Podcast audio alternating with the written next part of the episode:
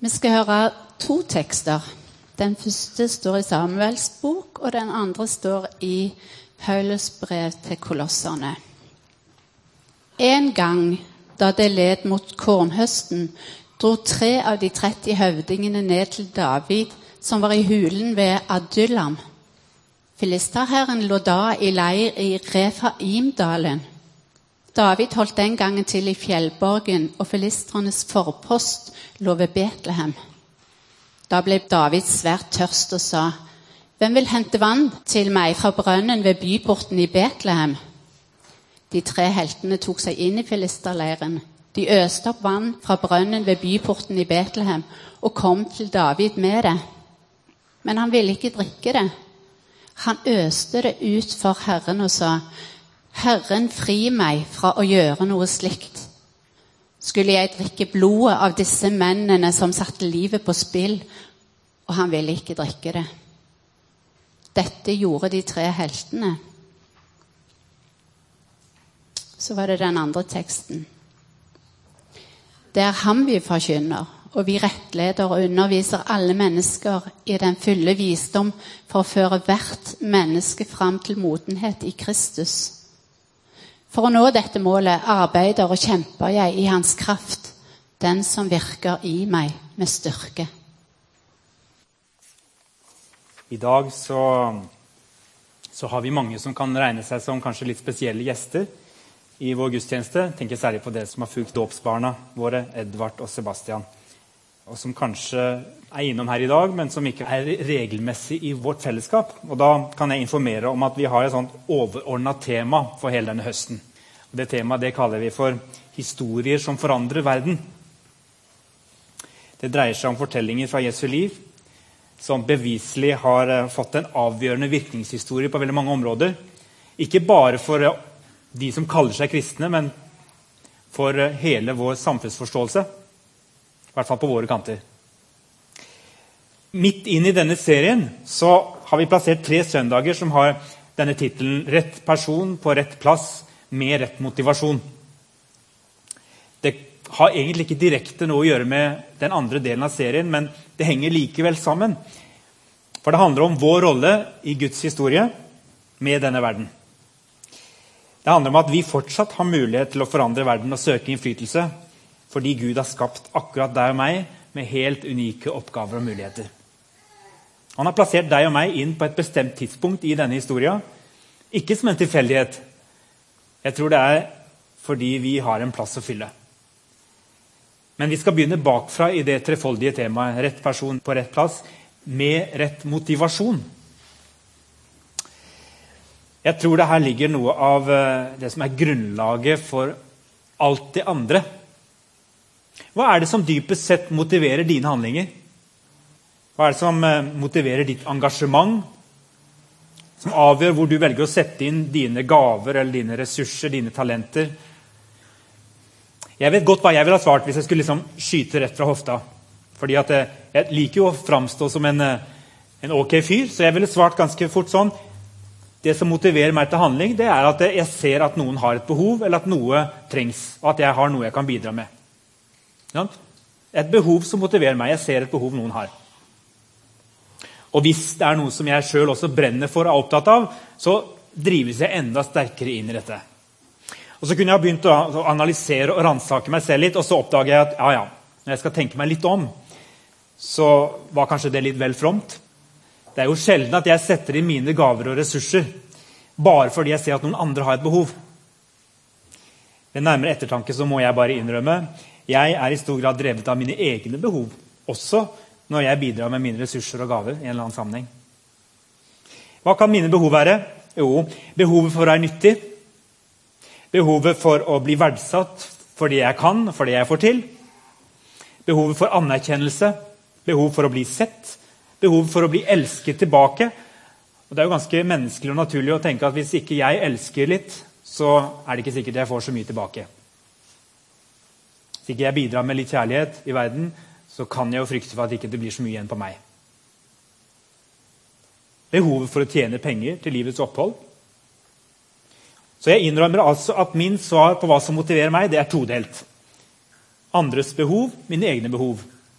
Og så kommer det litt an på dagsformen og fromheten den dagen, om det, hva som kommer først, om det er mine eller andres behov som egentlig driver meg.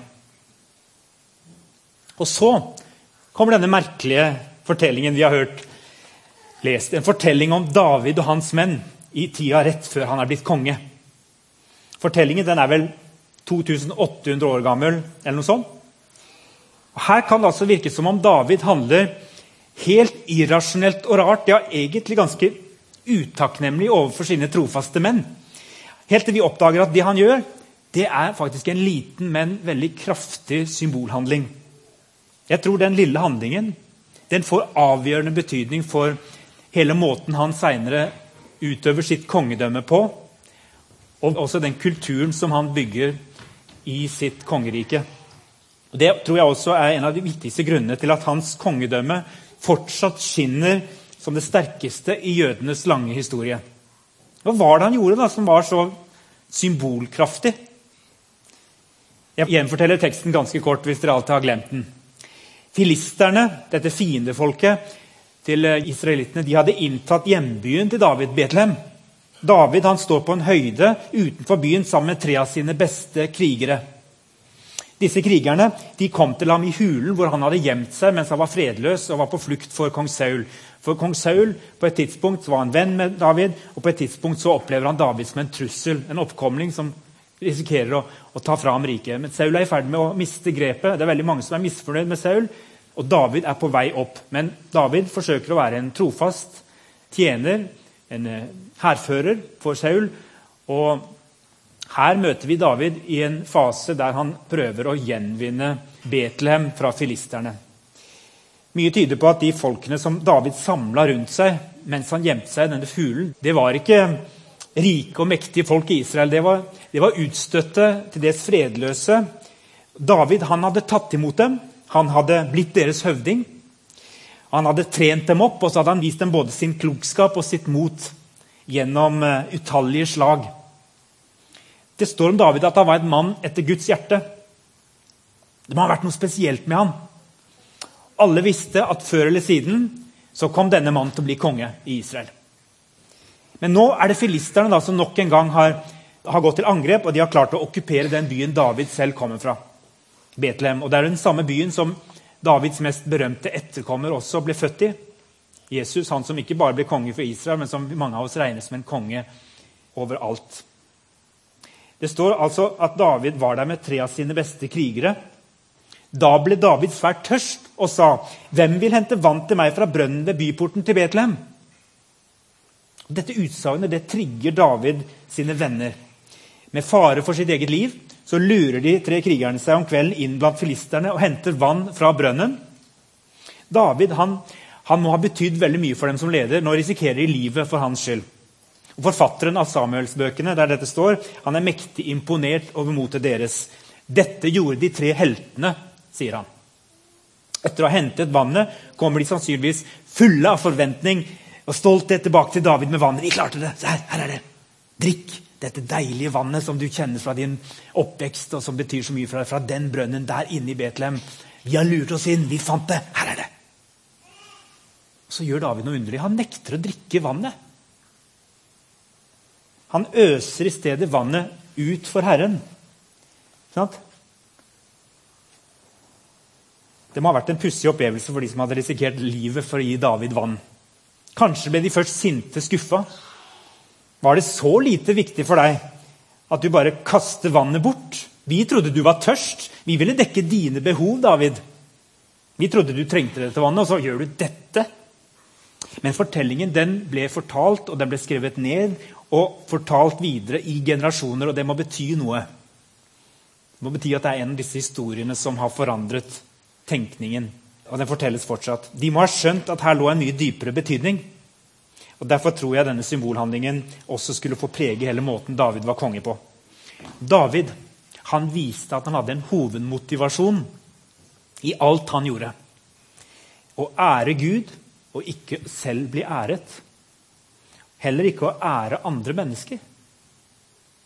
Den beste og sterkeste måten han kunne vise sin takknemlighet på overfor disse fantastiske mennene som Gud hadde gitt ham, som stilte opp for ham i tykt og tynt og var villig til å gå i døden for ham til og med, det var ved å rette takken direkte tilbake til Gud. Det gjør han ved å helle vannet ut på jorden. Det var ved å gi Gud æren for det han hadde gitt ham gjennom disse mennene. Gud skal ha æren. Vi er altså drevet av ulike motivasjoner i vår tjeneste, i menighet, i samfunn, på arbeidsplassen. Jeg har sagt at jeg er drevet både av egne behov og andres behov. David han var også drevet av en annen motivasjon i tillegg.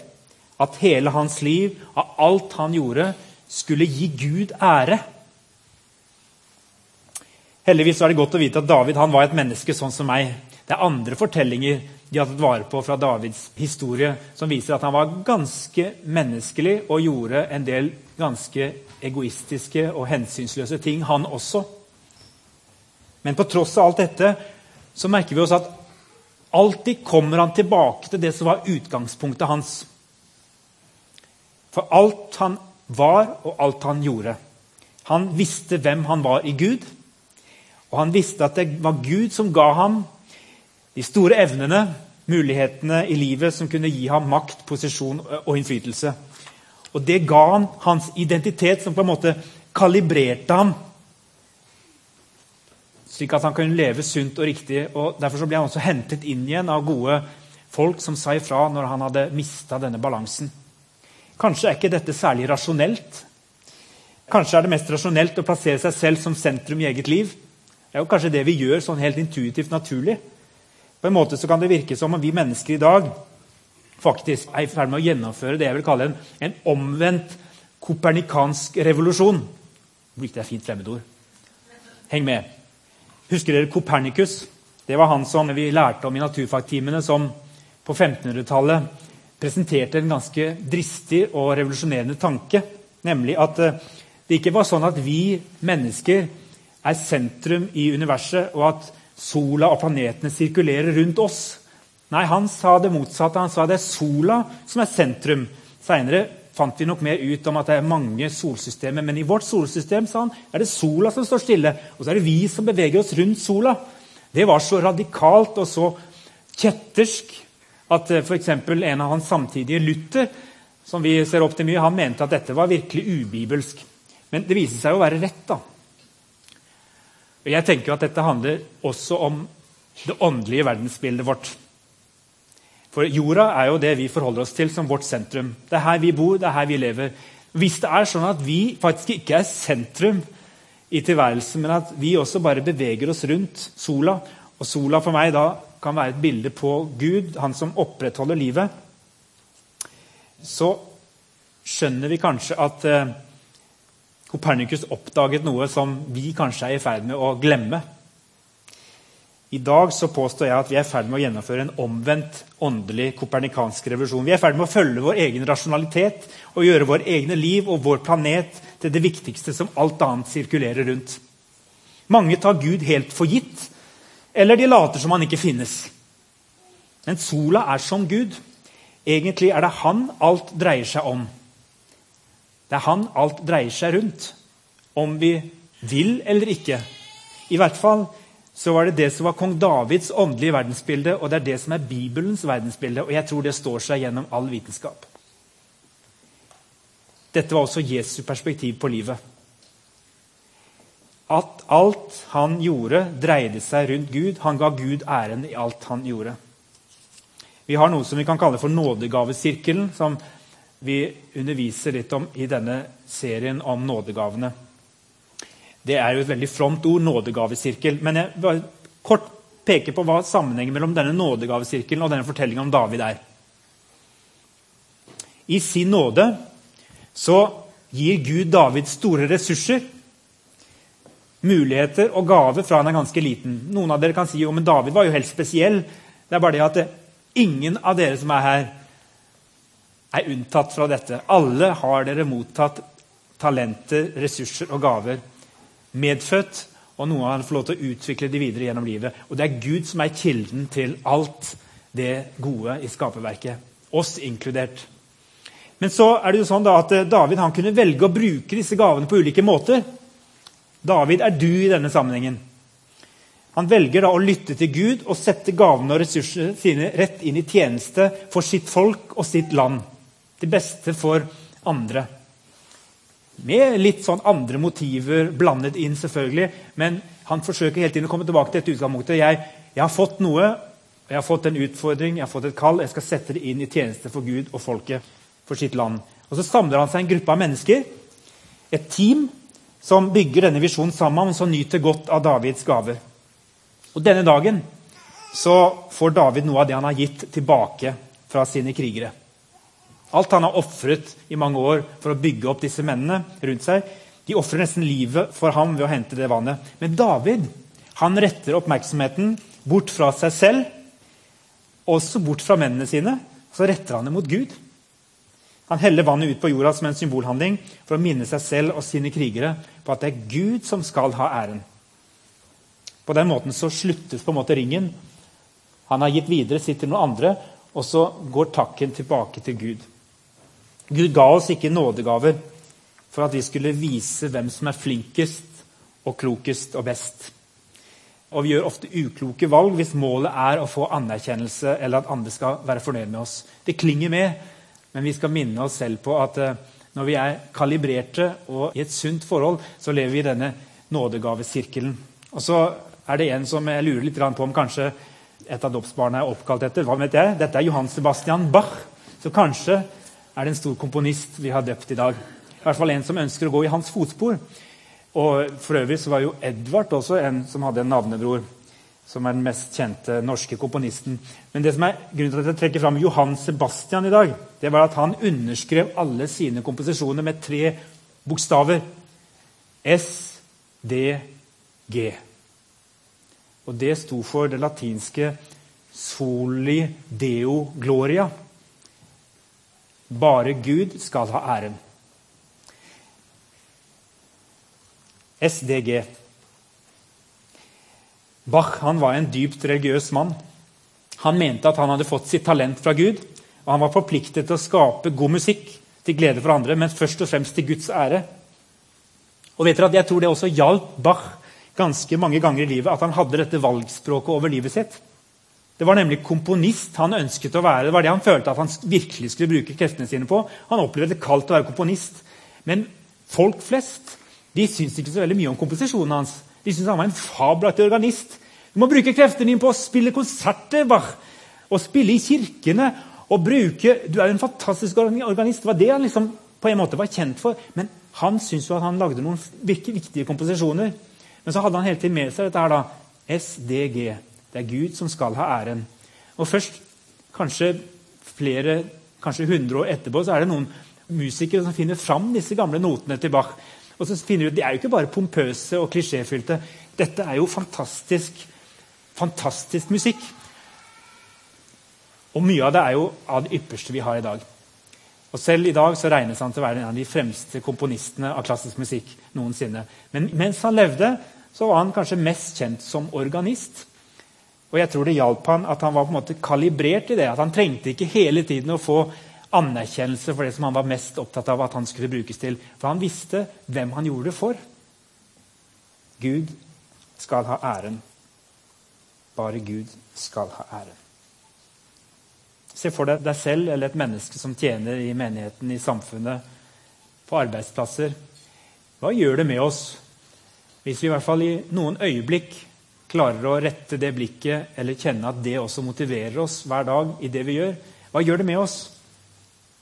Hvis vi kunne la noe av det vi gjør, være drevet av at det skal komme tilbake til Gud og ære Gud. Vil det skje noe med vår tjeneste, vår måte å gjøre tingene på?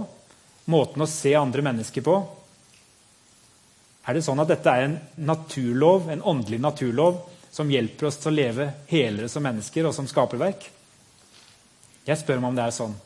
Og jeg ønsker at vi skal ta det med oss inn i undringen over nådegaven og utforskningen av hva som er vår plass og vår personlighet som vi skal bruke inn i, i dette livet her hvor vi er plassert.